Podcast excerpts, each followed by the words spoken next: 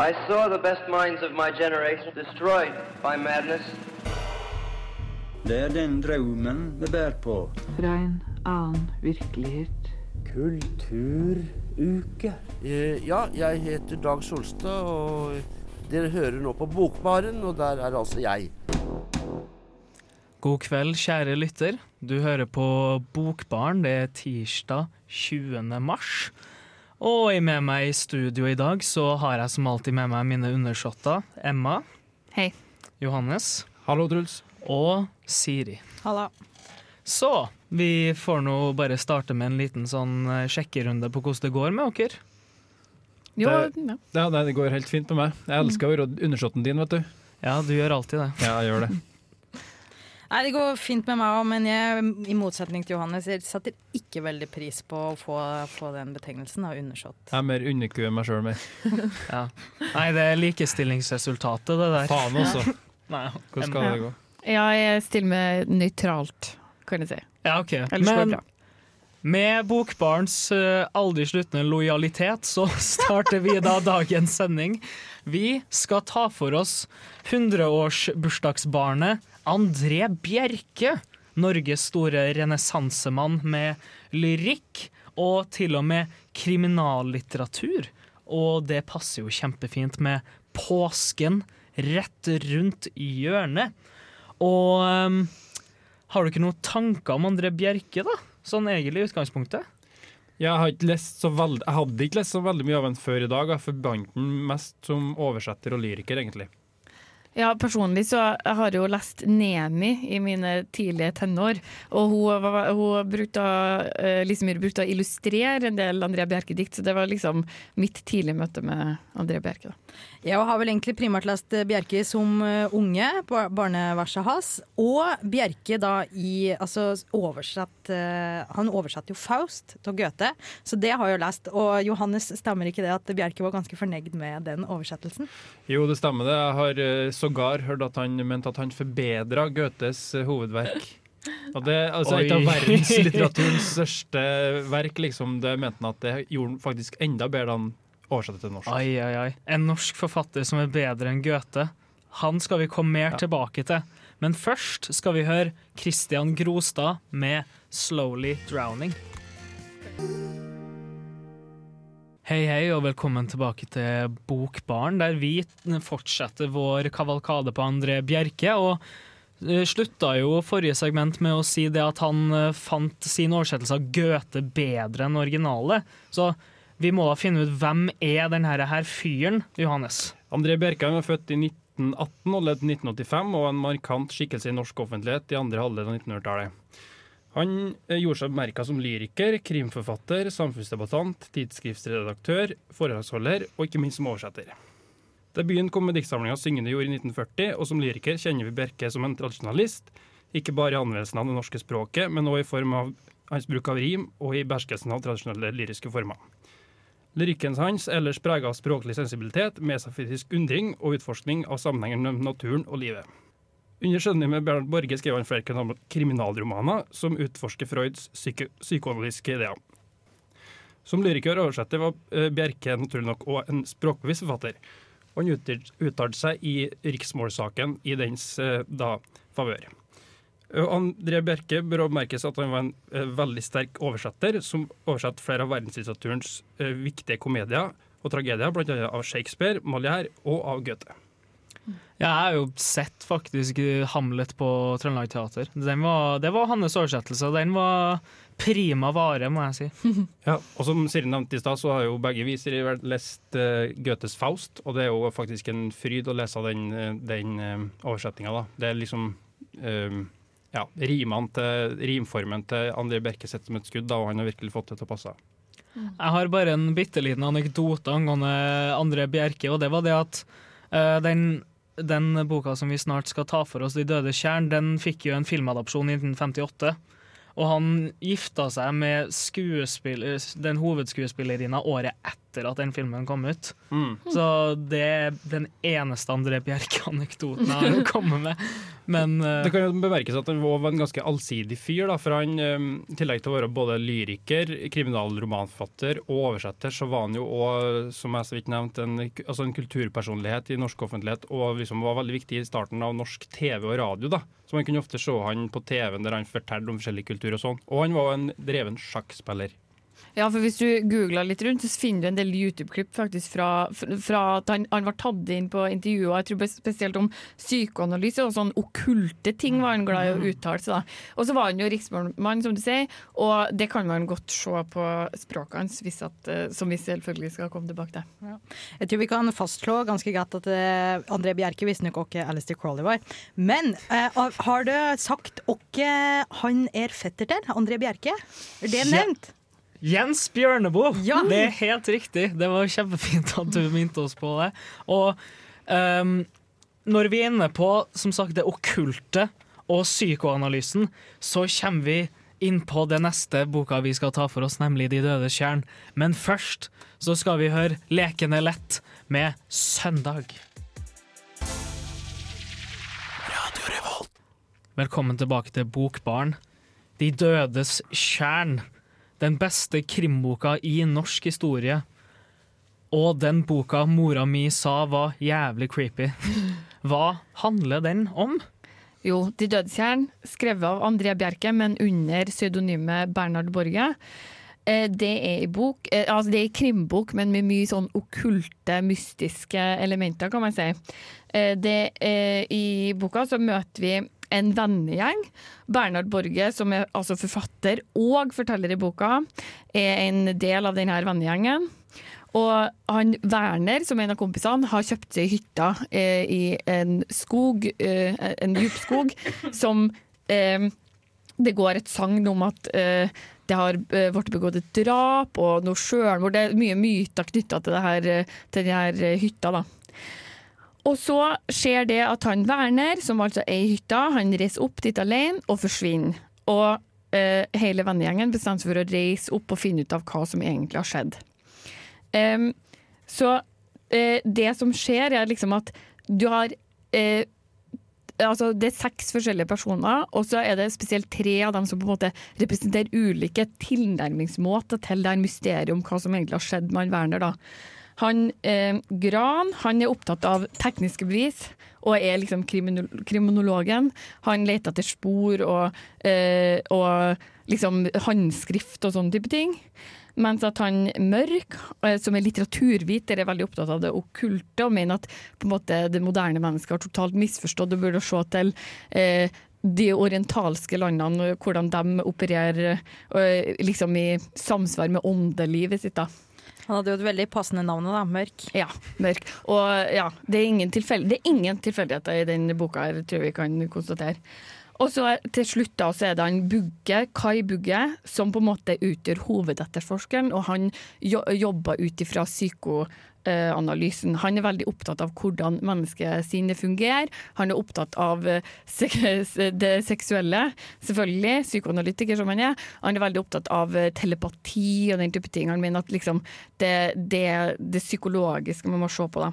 Så mens de er oppe på denne hytta, så foregår det mye, eh, mye interessant. Og samtidig så driver de og liksom og undersøker hvor er han Werner blitt av, og hva er det egentlig som har skjedd. Og de jobber egentlig ut ifra teorien om at, han har tatt selvmord. da. Mm. Ja, og de prøver jo å utforske det her på flere måter, med blant annet å, som, som du har nevnt, det å se etter andre spor og det å få andre vinklinger på det, og det er Mm. sånn handlingsgangen utvikler seg Mm. med at uh, det blir enten det fysiske bevisene eller den psykologiske vrien, eller bare at nei, det er onde ånder her. Mm. Ja ja, sånn går det. Ja, og det er jo psykoanalysen som har et altså André Bjerke sjøl var jo veldig opptatt av psykoanalysen, og det er psykoanalysen som liksom får størst plass. Altså, det kan jo nevnes at Werner har ei søster som òg er med i denne vennegjengen. Og eh, og det er noe med drømmetyding og eh, forholdet mellom de, søs de søsknene og sånt, som blir veldig viktig i på en måte oppklaringa av, av det her mysteriet om hvor Werner har blitt av. Og så kan det jo nevnes at det skjer et drap òg i løpet av boka. Den som skulle vente på det, den, den vil få det på et tidspunkt. Mm. Man kan jo ikke dra på hytta i skauen uten å få seg et mord. Det er jo påsketradisjon Ja. med alt annet som kommer godt med. Ja. Vi fortsetter vår eh, dypdykkende analyse av De dødes tjern, men først skal vi høre Datarock med 'Laugh in the Face of Darkness'. Jeg har nettopp lest gjennom hva jeg hittil har skrevet, og innser at jeg har gitt mine lesere dårlig valuta for pengene. I en spennende og godt komponert kriminalroman bør jo det første mordet komme, om ikke nederst på side to, så iallfall øverst på side tre, og deretter bør drapene komme slag i slag som perler på en snor. En kriminalroman til fire kroner må under ingen omstendighet inneholde mindre enn fire mord, hvilket gir leseren en utgift på ca. én krone per mord. Men i denne boken her ser det dårlig ut. Vi befinner oss allerede på side 83, og foreløpig er bare én enkelt person avgått med døden. Det er ikke engang sikkert at det dreier seg om en forbrytelse. Jeg innser klart at publikum må føle seg snytt. Ja, velkommen tilbake til Bokbaren. Det her var et lite utdrag fra side 83 i De dødes tjern, der der hvor det er et eksempel på at da Bernhard eh, Borge har rett og slett bestemt seg for å prate rett til sine lesere med å snakke om det som da har skjedd så langt i boka, og også kanskje gi et inntrykk om hvordan han er som en person, og hvordan han ser for seg selve historien i ettertid også, da, om den gradvise oppbygninga etc. Mm. Og Bernhard Borge er som sagt eh, pseudonymet Andrea Bjerke skrev roman under, og så er det også fortelleren i, i romanen. Og han er eh, I romanen er han òg krimforfatter. Og eh, du kan si at altså Bernhard Borge er en ganske interessant karakter i seg sjøl. Han er en veldig sjølhøytidelig type. Har veldig høye tanker om seg sjøl. Sammenligner seg gjerne med eh, andre, spesielt eh, det, det, det andre kjønn. Han er veldig glad i å sammenligne seg med dem, og hvor mye bedre han er enn dame. Og, eh, og, og har på en måte en sånn ja, Han er ganske Han opphøyer seg sjøl ganske mye, kan du si. Men samtidig altså, er han krimforfatter, og krimforfattere den gang var kanskje ikke dem som var høyest ansett innenfor litteraturen. Da. Nei, og da kanskje prøver han å hevde seg litt på bekostning av kvinner. For du har jo lest opp litt Færøys Emma, en del av den eh, ganske problematiske utsagn om eh, det annet kjønn, altså oss damer, ført i penn av nettopp Bernhard Borge, da. Ja, jeg tenkte faktisk at jeg kunne lese opp veldig kort. Eh, altså, Første kapittel starta sånn her. Det er en god gammel regel som sier at man bør begynne med begynnelsen. Når kvinner skal fortelle en historie, begynner de regelmessig med poenget, forutsatt da at deres historier har et poeng, hva de som oftest ikke har. Vi menn derimot, det saklige kjønn, vi som kan fortelle en historie, vi begynner alltid med begynnelsen. Det er et av mange gjennomgående stikk mot uh, kvinner i denne romanen. Jeg merker bare hvordan Siri tar frem høygaffelen umiddelbart når hun leser det der, hører det her, Men nei, for det, det var én ting som virkelig slo meg med kvinnesynet i boka, her, og det var nemlig det at uh, har du lagt merke til at, og det høres kanskje veldig kritisk og veldig sånn mannssjåvinistisk ut, men kvinnfolkene sier aldri noe faktisk smart.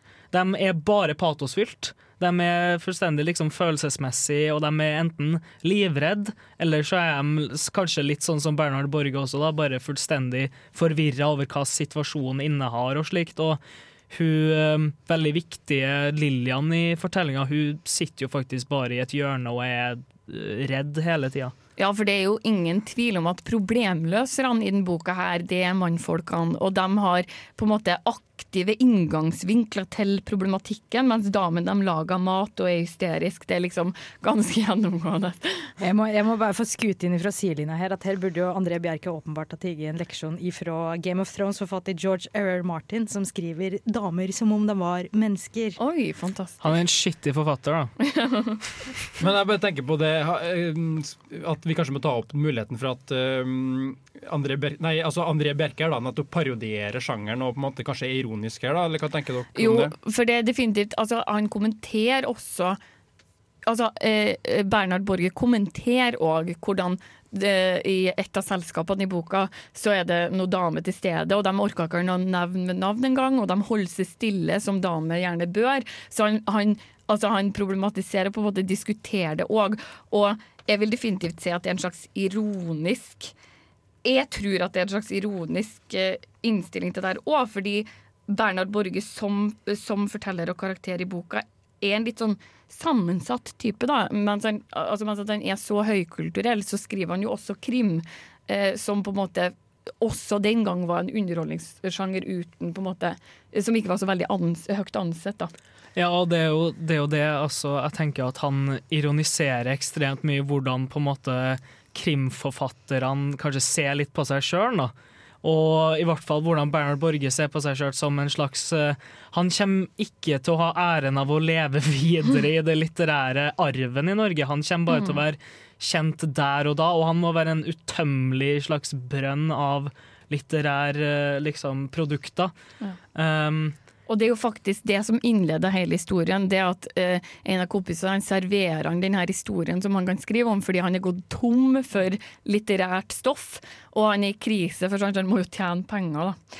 Men jeg tenkte også at jeg kunne nevne litt altså Det som man faktisk må si om denne boka, er at den er ganske humoristisk, men den er òg faktisk ganske skummel. Jeg leste den her på sengekanten, og jeg ble faktisk litt redd, liksom. Det var litt sånn der snu meg rundt, og det er på en måte han er ganske god på å bygge opp spenning, da. Og han er, han er, i hvert fall kjempegod på det med å gradvis, som vi kanskje nevnte, gradvis ta for seg de virkemidlene med liksom de fysiske sporene, det med det mystiske. Så eh, du er aldri helt sikker på om det faktisk er liksom Det her kan ikke være et mordmysterium. Det her må være overnaturlig shit. Å, herregud, liksom. Ja, for det er akkurat det at det er så mye som er uklart. da, At du blir liksom helt sånn Er det noe overnaturlig? Er det bare en fyr som ble gæren? Eller er det en fyr som ble drept, liksom? Hvis dere skal sammenligne det her med litt mer moderne krim, har dere noe å se da? Hva syns dere André Bjerke står seg? Jeg syns det i hvert fall er ekstremt original krim for å være fra 1942. Det er liten tvil om at jeg syns det var helt toppers. Og den humoristiske tonen kjenner jeg kanskje ikke igjen i, fra de største nyere eh, krimverkene. da. Så det er en styrke, ja. Mm. Mm. Det var Bokbarens analyse av De døde tjern, en tipp toppers påskekrimbok. Etter pausen så skal vi ha litt mer André Bjerke, men først en pause. Du hører på Radio Revolt, studentradioen i Trondheim. Ja, velkommen tilbake til Bokbarn. Vi fortsetter festen og påskekrimkavalkaden vår med den kjære André Bjerke. Vi, da, vi går, gir da rett og slett uh, Hva heter det? Ordet. ja, jeg skulle komme opp med en eller annen pretensiøs metafor, men fuck det. Siri, kjør på. Takk, takk for ordet, Truls. Jeg har jo òg kost meg med, med eh, entokrimromanen til André Bjerke til i dag. Eh, for han skrev jo i tidsrommet mellom 1941 og 1950 så skrev han fire kriminalromaner. Kai Bugge i De dødes tjern går att i tre til dem. Den fjerde her, Døde menn går i land, som kom i 1942, hvis ikke husker helt riv ruskende gæli. Eh, der møter du ikke Kai Bugge. Der møter du heller egentlig ikke Bernhard Borge annet enn som eh, forfatter, i en pseudonyme. Men fortelleren, det godeste Paul Rickert. Men han takker da i forordet eh, sin gode venn Bernhard Borge, som har påtatt seg ethvert litterært og juridisk ansvar for utgivelsen. Det moralske ansvar påhviler meg, men det tar jeg ikke så nøye, sier Paul Rickert. Eh, men André Bjerke skrev faktisk ikke denne boka 'Døde menn går i land' helt alene. Han hadde med seg en annen eh, forfatter, Bjørn Kaling, som da gikk under aliaset Erik, eh, Erik Vendel. Men det er, liksom, det er en borgerroman, det her òg. Mm. En av de fire, fire krimromanene om Tell. Bjerke, da. Eh, kort fortalt, plottet her i, eh, historien er um, at Arne Krag Andersen kjøper opp en gammel gard eh, fra sjø, sjørøveren Jonas Korp, eh, som regjerte på en måte havet da tidlig 1800-tall. Hadde med seg ganske mye av skatter, eh, målerier og artefakter hjem til det her idylliske herregården på det joviale Sørland, utafor Lillesund en plass. Eh, og danderte da det her i huset sitt tidlig 1800-tall. Men han skulle jo deg på et tidspunkt, og la da en forbannelse over hele plassen og sa det at hvem som helst som prøver å ommøblere eller i det hele tatt noe med dette huset her, kommer til å få Altså det skal sanksjoneres, da. Og gjennom generasjoner så har det altså enhver som prøvde, da, og til og med bedrive vedlikehold på dette huset, eh, så altså møtte døden. Og det er slik det da havner eh, i nyere tid i neva til han Arne Krag Andersen. Eh, Pål Rickert, som er jeg-fortelleren her, er da kompis til en Arne, og blir etter hvert, som, eh, som eh, arbeidere til Arne faller bort, bedt om å være forvalter på denne gården. da. Så da igjen en eller annen vennegjeng ikke sant, fra jævla Oslo som da fletter en eller annen sted og skal finne ut her det er som skjer en plass. da. Det er vestkantsfolket som skal løse mysterium igjen, da. På bygda. På bygda. Ja. Men eh, Nei, det er jo Jeg bare tenkte at det var sånn skikkelig sånn Tutankhamons krypt-shit, liksom, med det mysteriet her. Men eh, jeg vet ikke. Er det noe særlig Vi, har- vi snakka jo mye om det med liksom litt sånn vittige toner og slikt i De døde tjern, så jeg, jeg får i hvert fall det inntrykket at kanskje det fins i den boka her òg, da, eller tar jeg helt feil? Nei, absolutt. absolutt. Det er veldig mye artig. Jeg syns han er ganske leken med språket han bruker, og replikkvekslinga i det hele tatt. At det, det der, som du sa, da, i nyere norsk krim, eh, kanskje ikke Særlig sånn Unni Lindell og Jon Nesbø, den type krim der, så er det Det skal være så forbanna seriøst. Det skal være så jævla mært hele tida.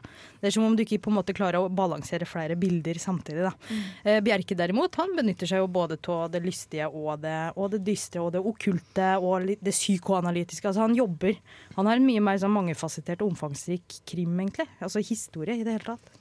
Ja, for eh, også her bruker han de her ulike inngangsvinklene til problem, problemet, sånn som i De dødes tjern. Eller? Ja, både vitenskapen og liksom eh, det okkulte eller det mystiske blir som forklaringsmodeller på eh, det som skjer disse folka på denne gården. da. Eh, Han Arne er jo veldig opptatt Altså Grunnen til at han kjøper denne gården, for han skal egentlig gjøre det om til et spøkelseshotell. Og det tærna. For han har så ihuga tro på seg sjæl. Den derre kokkinessen. Bare André Bjerke tydeligvis klarer å skrive fram da, i folk. Eh, Men den der kokkinessen og den der ihuga trua på vitenskapen da, gjør at han mener at han skal få til å bare sette om dette her og gjøre det til turist, mm. turistbonanza. Men det går til helvete. Det er klart det går til helvete. Hvis ikke så hadde jo ikke vært en krimroman. Nei, nettopp. Og nei, det høres ut som enda et fint bidrag til eh, Bjerkes krimgreier, beskjeftigelser. Men etter, eh, etter Myra føler meg selv, så skal vi ta for oss litt lyrikk. Velkommen tilbake til Bokbarn, der hvor vi har tidligere sett på litt lettbeint krim, modernisme om man gjerne vil. Eh, og da kan man jo selvsagt stille spørsmålet om André Bjerkes lyrikk går i den modernistiske lettbenheten eller ikke, Johannes? Nei, jeg vil ikke si at han passer så godt i modernistisk eh, paradigme, men han var jo veldig sånn humanist. Jeg tenkte ikke å begynne å snakke ut om det. Bjerkes humanisme. Han har liksom veldig tro på individet som selvstendig og ansvarlig for sine handlinger. da. Så det er veldig viktig i hans dikting at man må utnytte sine muligheter og um, rett og slett være, være et godt menneske. da, og Det er en slags optimistisk menneskesyn da, som er påvirka av klassisk humanisme og antroposofi, som er liksom Rudolf Steiners um, eh, tankeretning. Så jeg tenkte vi skulle høre et eh, dikt først, som heter 'Minuttene', som illustrerer det litt. Minuttene. Vi er minuttene, hør som vi går, time for time, år efter år. Vi går som ebbe og flo ved din strand, livsminuttenes tidevann. Hva fikk du levd i oss, hva fikk du gjort, uavbrutt renner vi bort, bort. Alltid en bølge som ruller forbi, det som bestandig blir borte, er vi. Riker går under og sekler tar slutt, ett blir tilbake, et levet minutt. Det korteste var hva de færreste rakk, tikk, sa ditt pendelur, svarte du takk. Time for time, år efter år, renner minuttene, hør som vi går. Ja, er altså tida som, som motiv da, som går, og at da må mennesket på en måte gjøre noe ut av den tida. da. Hva fikk du ut av minuttene dine, spør han. Og et, annet, et annet dikt som heter Tro, fra debutsamlinga Syngende jord fra 1940. Der heter det Jeg har en tro, jeg tror på historiens mål, det bevegelige mennesket. Og litt senere i diktet Et menneske hvis vesen er mykhet, hvis natur er leende forandring. Så igjen er det her, um, det her ja, litt sånn positive, optimistiske, livsbejaende som er i, i Bjerke sin lyrikk, som jeg egentlig liker ganske godt. Um, og han skriver jo veldig sånn musikalsk og, og et sensitivt språk, vil jeg si. da. Ja, jeg skulle til å spørre deg om det var noe særlig man kunne kritisere han for, eller rose han på, når det gjaldt formen hans innenfor lyrikken. Jeg syns at, jeg syns at um, han kanskje at det, Når han skriver lenger, så syns jeg det kan bli litt kjedelig at han bruker lang tid på å si lite. For han har noen dikt som er sånn side opp og side ned. da. Mens eh, noen andre dikt er kortere og, og mer sånn konsist. da. Vi kan kanskje høre ett dikt til som er mer sånn Det er vel et slags eh, Jeg tror det har gått under det barnediktene hans, som er litt mer enkelt og konsist i formen, da. Astronomi. Katinka er ikke større enn akkurat som så. Hun liker så å spørre om allting i det blå. Hun tegner digre streker i fortauslaps og sludd, og spør meg mens hun leker hva er et stjerneskudd. Da svarer jeg jo gjerne, det er naturligvis en bitte liten stjerne som hopper paradis. Yes. Det var veldig søtt, da. Ja. Ja, det er veldig, det er veldig søtt. Men jeg må bare si at, og det er sånn, her er et sånt motiv som går igjen i en del av Bjerke sin diktning, eller sin lyrikk. da. Og det er det at uh, Han har den ta en tanke som er en slags arv fra Goethe, om at mennesker har en større plass i naturen og verden. da.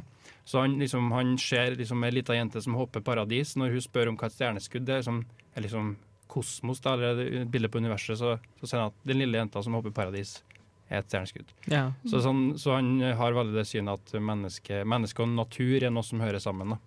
Mm.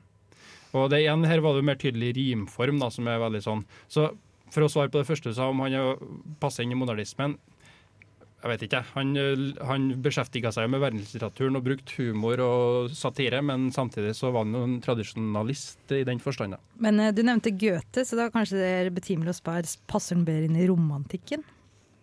Ja, men det tenkte jeg på. At det er noe romantisk med det her. Både her tror jeg på humanismen og det gode i mennesket. da. Og, og, og det her med liksom at han er så opptatt av natur. da. Ja, Så det er absolutt kan kanskje si det.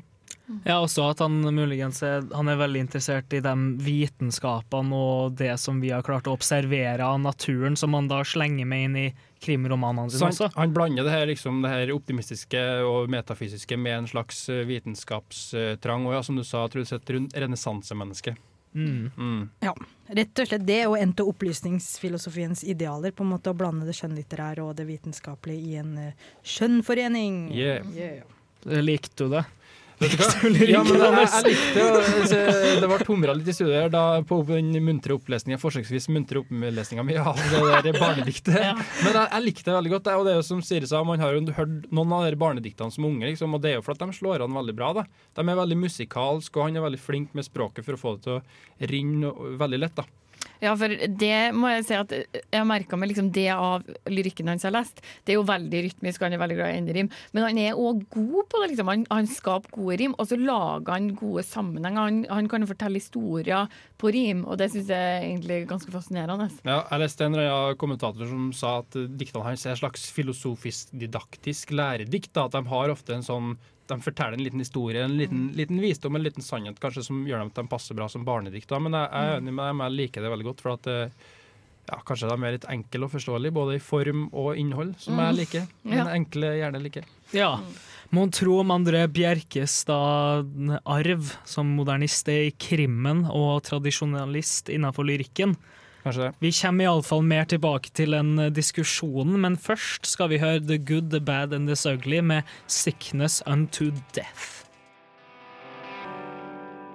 Yes, yes, velkommen tilbake til Bokbarn. Og um, vi har tatt for oss André Bjerke og litteraturen hans, og spesielt også de umåtelig mange tematikkene og sjangervinklingene og verktøy han bruker i litteraturen sin, og dermed må jeg da stille spørsmålet til mine undersåtter.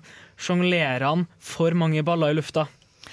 Altså, I De dødes tjern så syns jeg at uh, det som han gjør, er at han liksom personifiserer alle de her ballene han sj- sjonglerer. Du har det okkulte i form av mørk, du har eh, eh, psykoanalysen i form av bugge, og du har kriminologien og liksom fakta, harde fakta og vitenskapen i form av gran.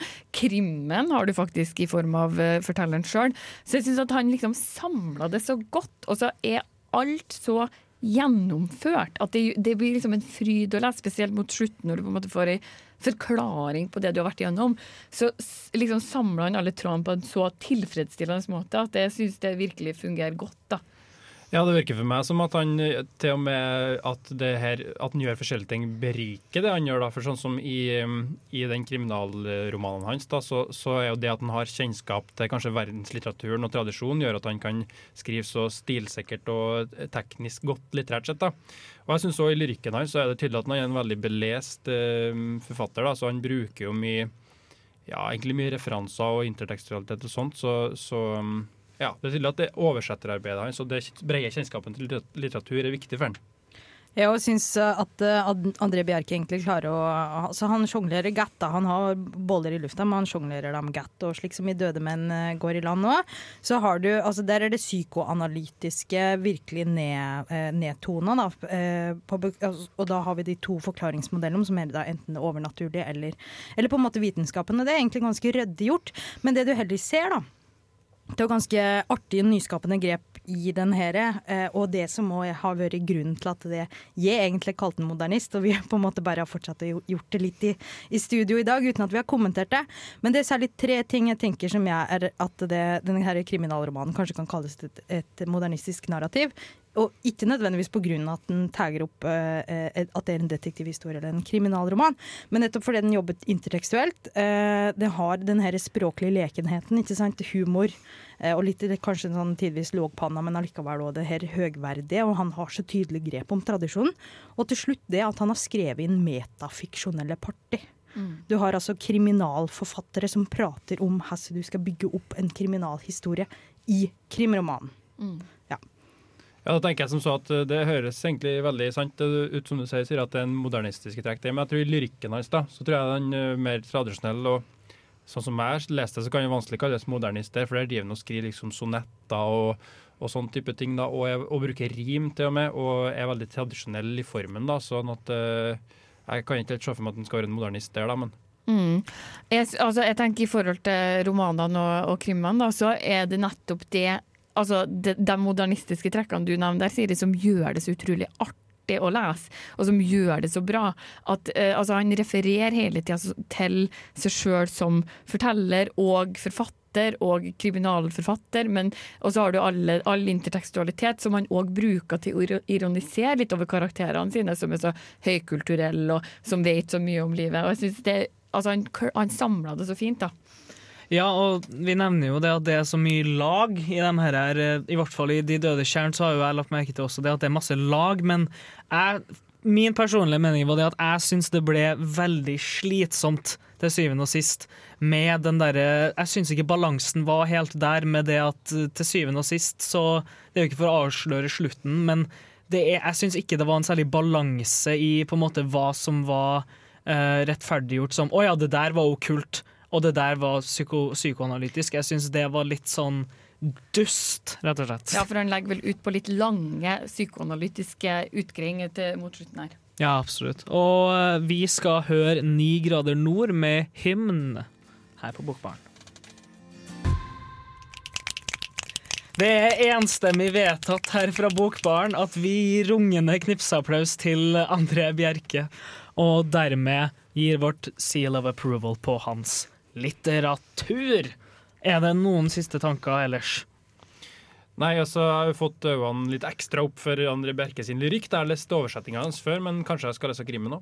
Ja, det kan jo være verdt å sjekke ut eh, radioteaterversjonene av både De døde stjerner og Døde menn går i land. Og kultfilmen fra 1958. Den er toppers. Med Bjerke sjøl i en av rollene, faktisk. Nei! Jo, jo. Shit! Faen, altså. Han, Nei. så, han så jo litt skummel ut, han òg.